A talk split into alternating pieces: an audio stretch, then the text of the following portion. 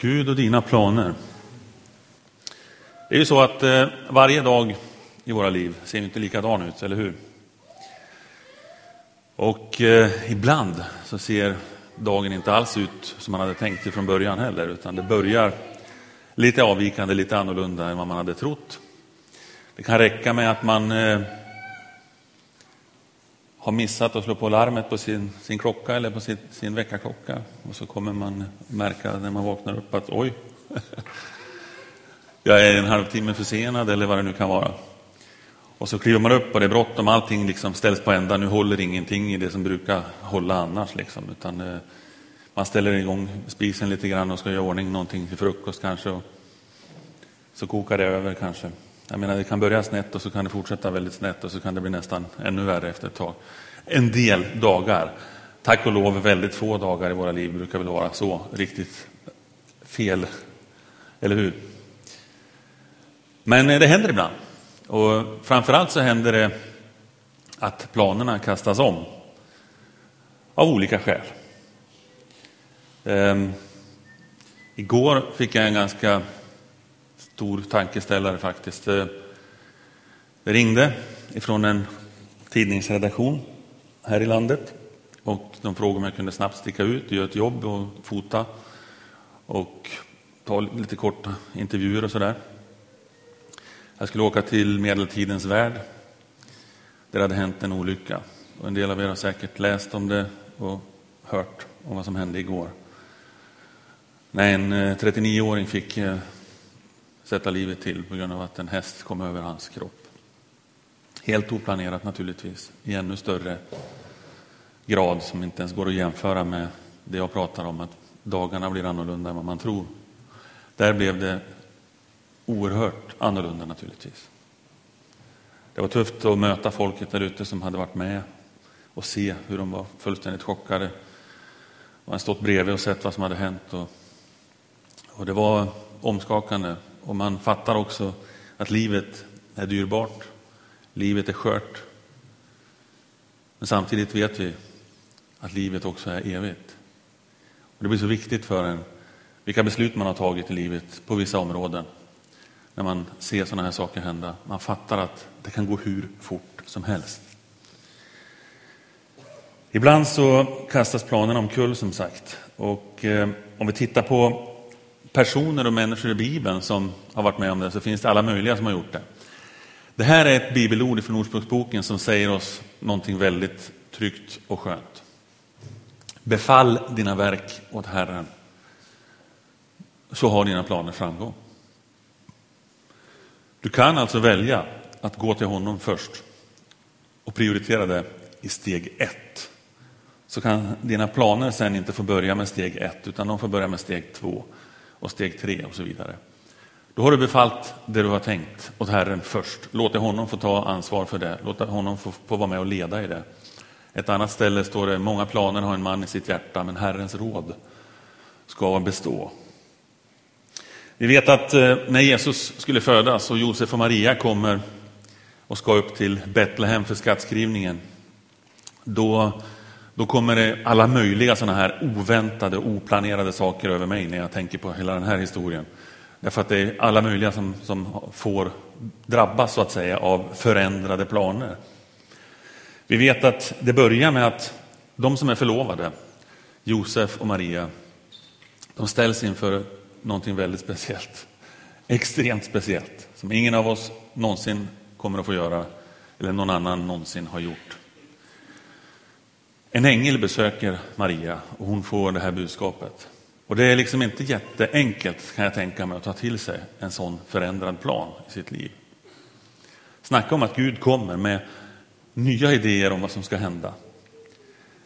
Den här ängeln kommer dit och säger, eh, var inte rädd Maria, men eh, det är så här att eh, du ska bli gravid före bröllopet också. Oj. Och det är inte med Josef. Okej. Okay. Alltså, vad är det frågan om? Vad är det här för någonting? Är det här en ängel? Och vad säger han för någonting? Kan han verkligen mena det här? Det är inte bara så att eh, du ska bli gravid, utan det är så här också. Eh, barnet som du ska bära, det, det är Gud. Aha, okej. Okay. Ja, men det brukar ju hända. Då känns det lugnare. Ja, det här kallar vi för ett mirakel faktiskt. Det ska vara, vi kallar det för jungfrufödsel. Ja. Men vi vet att Maria kände någon slags trygghet över att det var Guds ängel. Hon måste ha gjort det eftersom hon accepterar det här, hon begrundar det här, står det och tog det till sig. Och så fullföljdes den här planen som var helt absolut unik i världshistorien. Så det är ingenting du behöver gå, rädd, gå vara rädd för ska hända i eftermiddag, att Gud kommer att säga så till dig. Det tror jag inte, det behövs ju inte längre. Han har försonat världen med sig. Men de kommer till nästa ställe, hotellägaren. Han hade inte direkt planerat att han skulle ha gäster i stallet, tror jag. De hade gjort i ordning något special där för dem. Det var lite nya planer som blev omkullkastade igen. Det gick inte att bo där man trodde man skulle kunna bo. Man fick bo på ett annat ställe. De religiösa ledarna runt omkring, de hade bett om en Messias, en politisk frälsare som skulle liksom hjälpa dem emot romarriket och slå ner dem och se till att återupprätta det egna riket. Ja, det var helt andra planer som Gud hade faktiskt. Herdarna, som brukar ha en tyst natt där ute på fälten, de fick ju en superupplevelse med en änglakör som kommer där ifrån himlen och sjunger och meddelar någonting helt unikt för dem. Det var helt oväntat, helt oplanerat för dem. De visste ingenting om det. Och sådana här saker händer, som jag sa, i våra liv också. Det händer både dig och mig till vardags. Eh, inte just sådana där saker, men det här överraskningarna, att det blir förändringar och att det blir flyttade planer. Allt som händer på den här jorden är ju inte Guds vilja. Tyvärr är det så. Eh, det hade varit mycket bättre om det hade varit så. Eh, alldeles för lite är egentligen Guds vilja av det som sker idag mot vad vi skulle vilja och vad vi skulle önska. Och Det är just för att våran vilja får vara med och styra för många beslut, vi människor, som det går ganska snett ibland i hela mänskligheten. Och som gör att vi står i lite krislägen ganska ofta. Hela skapelsen står ju i en viss form av kris. Och det beror på oss människor och våra beslut och hur vi har gjort och hur vi har fördelat och hur vi har valt att eh, skapa stora klyftor där människor svälter medan andra kastar bort sin mat. Låt din vilja ske som i himlen, så ber vi när vi ber Fader vår. Men ibland går Gud in och han vill ändra på både dina och mina planer. Och när han gör det, när han vill ändra på dina planer, då söker han för det första din uppmärksamhet. Det måste han ju göra. För han måste på något sätt ha kontakt med dig, han måste på något sätt få berätta det för dig. Han måste förmedla att jag har faktiskt planer på gång för dig. Så han måste söka din uppmärksamhet. Och det är inte alltid det enklaste för Gud tror jag. Eh, man brukar säga ibland att Gud viskar i frid. Men han skriker ibland i din smärta. Eh, han har så många olika sätt och nivåer han kan nå oss på och tala till oss på. Och när vi läser eller hör om det här med Josef och Maria så, så måste han sända en ängel. Det var en sån sanslöst speciell historia det här och annorlunda. Så han, det fick komma en, en ängel och besöka henne så att hon skulle fatta att det här ska du inte ta miste på. Det här har du sett, det här har hänt. Den här ängeln har sagt det här till dig. Du och jag behöver egentligen bara lyssna in Gud. Ja, bara ja, precis. Det är inte alltid så bara att göra det. Det är inte alltid så jätteenkelt att höra hans röst och fatta att det här är Gud faktiskt. Varför vill han tala till oss? Ja, han måste börja med att få någon form av uppmärksamhet som det står här. Och det är inte det lättaste när vi sitter vid tvn ganska mycket och lyssnar på vad som händer där först. Eventuellt så har vi mobilen där också samtidigt i soffan eller någon, någon annan produkt som vi sitter och surfar på lite grann eller kollar vad nästa tv-program ska vara. Eller vi, det ringer, det kommer ett sms där och jag måste kolla Instagram där. Och jag har alltså så mycket grejer vi har nu. Det är helt ofattbart egentligen. Så sitter man samtidigt med ett par lurar här kanske också och lyssnar på musik som blir avbruten av det jag ska titta på. Och så ska Gud in i det här och lyckas få din uppmärksamhet och du ska höra honom. Han kommer inte att kliva fram med en ängel varenda gång han ska säga någonting. Kanske aldrig i ditt liv, troligen aldrig. Däremot så har han hela tiden något att säga. Men det kräver vår uppmärksamhet. Det kräver att vi, vi slår av någonting ibland. Det kräver att vi, vi ger en tystnadsstund på något sätt. Bästa vore om vi kunde få till en kvart eller fem minuter eller en timme eller vilket du nu vill välja.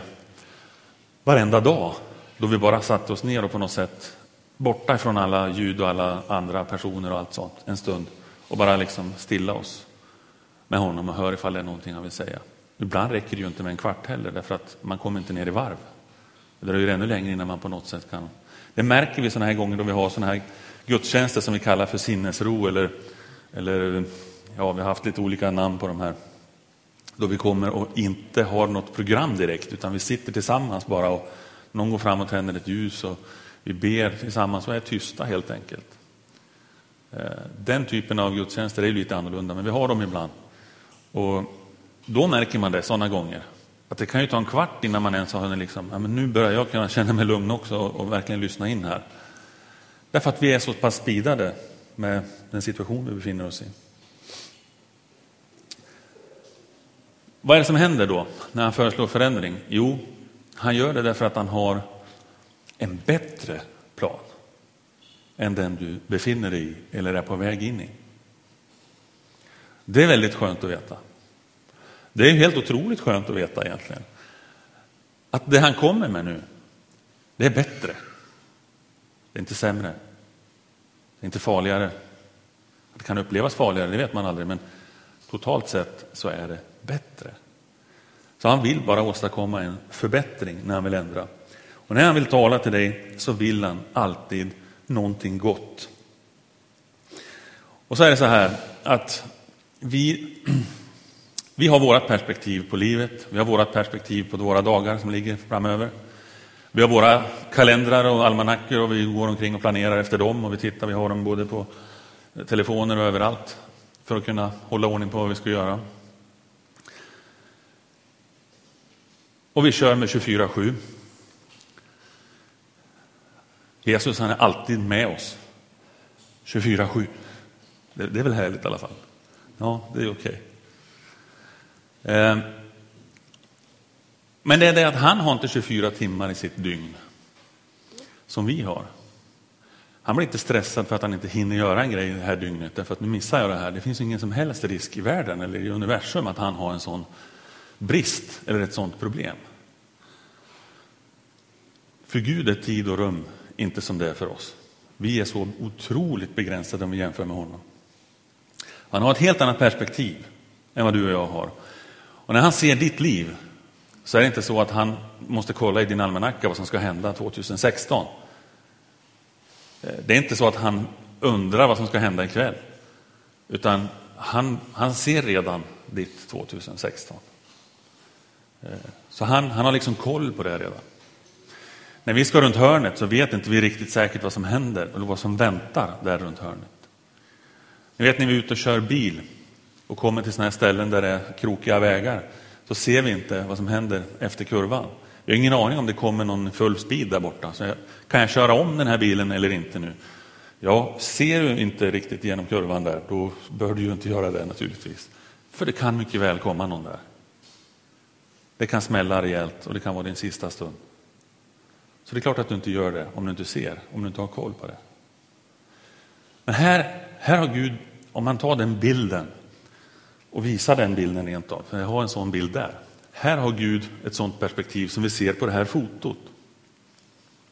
Han ser ju vad som händer runt kröken. Eller hur? Han har ett helt annat perspektiv än vad vi har. När vi ska svänga efter den där långa raka sträckan som livet faktiskt kan vara ibland, så plötsligt kommer en, en kraftig sväng och det går plötsligt åt ett helt annat håll, en helt annan riktning. Men i kurvan kan det bli problematiskt för oss. Jag såg en rapport på Facebook häromdagen när de höll på att köra bussar där borta i Norge på de här stigarna, Trollstigen och vad det heter. Det är inte lätt för dem att komma runt i de där kurvorna. Men Gud har det här perspektivet. Så det är här jag menar med att han ser 2016 redan, eller 17 eller något annat år framöver. Han vet, han kan ditt liv. Sen vet han inte alltid, kanske, jag vet inte hur, hur det funkar, men Guds allmakt och, och, och, hans allvetande är ganska komplicerat egentligen för oss att förstå i vår logik. Ehm, för samtidigt har vi en fri vilja. Vi kan välja bort eller kan välja att göra något, men jag tror att Gud vet ändå vad som kommer att hända. Han, han är inte begränsad till det. Hur som helst, det är en ofattbar förmån vi har när han har gett oss också sitt ord som faktiskt kan vägleda oss och som också är en del av det som talar till oss när han talar till oss. Det är inte alltid att det är en röst vi hör, det är sällan. Det är inte alltid att det är en person som kommer fram och säger någonting, det här har Gud sagt till mig. Eller att det är någon som skickar ett brev eller ett mejl eller något annat där det står så här bör du göra, Gud har gett mig det här uppdraget. Han har faktiskt också gett oss en ganska tjock bok med oerhört mycket visa råd och tankar om hur du ska tänka när du planerar för ditt liv och när du genomför ditt liv. Det, finns, alltså det, det är ofattbart egentligen att vi kan få hjälp av Mästaren på livets alla områden. Jag menar, det räcker med att man ställ, ställ mig vid spisen när jag ska göra någon avancerad middag eller någonting. Lycka till! Alltså, jag kan inte de här grejerna särskilt bra. Det är inte så jättemånga rätter jag kan få till. Det vet mina barn om de kommer hem till mig, att de vet ungefär vilka, vad det kommer att bli, troligen. För det kan han klara av. Eh, men säg att jag får dit någon mästerkock från tv någonstans som, som kan alla de här grejerna. Och sen bara varenda gång jag ska bjuda på så kommer han bara in där, tjoff, och så står han där i köket. Bara, nu ska vi ta fram det här, nu ska vi göra det här. Kan ni fatta vad enkelt det skulle bli? Vilken otrolig förmån det skulle vara. För att det kommer en expert in på området och bara hjälper mig, rakt av. Gud, han är expert för vårt liv. Och han har gett oss de här råden och de här tipsen och de här guidelines liksom att följa i livet som ger oss ett bättre liv, som ger oss ett säkrare liv, som ger oss ett liv som naturligtvis inte är felfritt eller problemlöst, men som har en väg ut och som har en väg framför allt in i himlen när allt är över här nere. Vi behöver lita på Gud när vi går igenom de här grejerna. Det behövde Josef och Maria också. Det är inte så enkelt för dem att plötsligt ge sig iväg på den här åsnan. Hon skulle rida på åsnan dagen innan förlossningen. Det är säkert en och annan kvinna här inne som har någon synpunkt på det. Eh, hur det skulle kännas. Det de kunde göra, det var att tro på Gud i det här läget. Tro på honom. Och går du igenom prövningar just nu och har svårigheter som du möter, vilket de flesta av oss har egentligen ganska ofta, av lägre eller högre nivå. Men gör du det, så kom ihåg en sak. När dina planer kraschar, gå till Gud. Det första du gör. Det är så otroligt lätt för oss att vi först ska hitta en lösning själva. Att vi sätter oss där och begraver ansiktet i våra händer och bara tänker, hallå, hur löser vi det här? Vem kan jag ringa? Vad finns det för experter? Och så har jag Gud hela tiden med mig egentligen. Jag tänker inte på det alltid. Jag har inte riktigt fattat att faktiskt han bryr sig om varenda område i livet. Har jag en krasch just nu, det är bara att gå till honom. Han känner till den.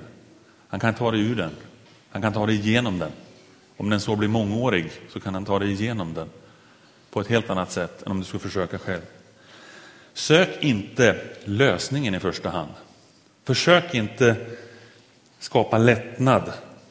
Försök inte hitta förklaringar till varför det här har hänt eller varför du är mitt i den här problematiken. Sök Gud först. Det kan låta korkat. Här står man här och ger tips att sök ingen förklaring. Sök ingen lösning. Det är klart att det låter korkat, det fattar jag med. Men jag menar inte att man aldrig ska söka en lösning. Jag säger bara, sök först Gud. För då kommer lösningen att gå lättare att hitta. Då kommer problemet att gå snabbare att ta sig igenom. Tänk dig att du aldrig hade övergett hans plan. Han säger ju så här att mina tankar är inte era tankar och era vägar är inte mina vägar, säger Herren. För så mycket som himlen över jorden, så mycket är mina vägar högre än era vägar. Och mina tankar högre än era tankar.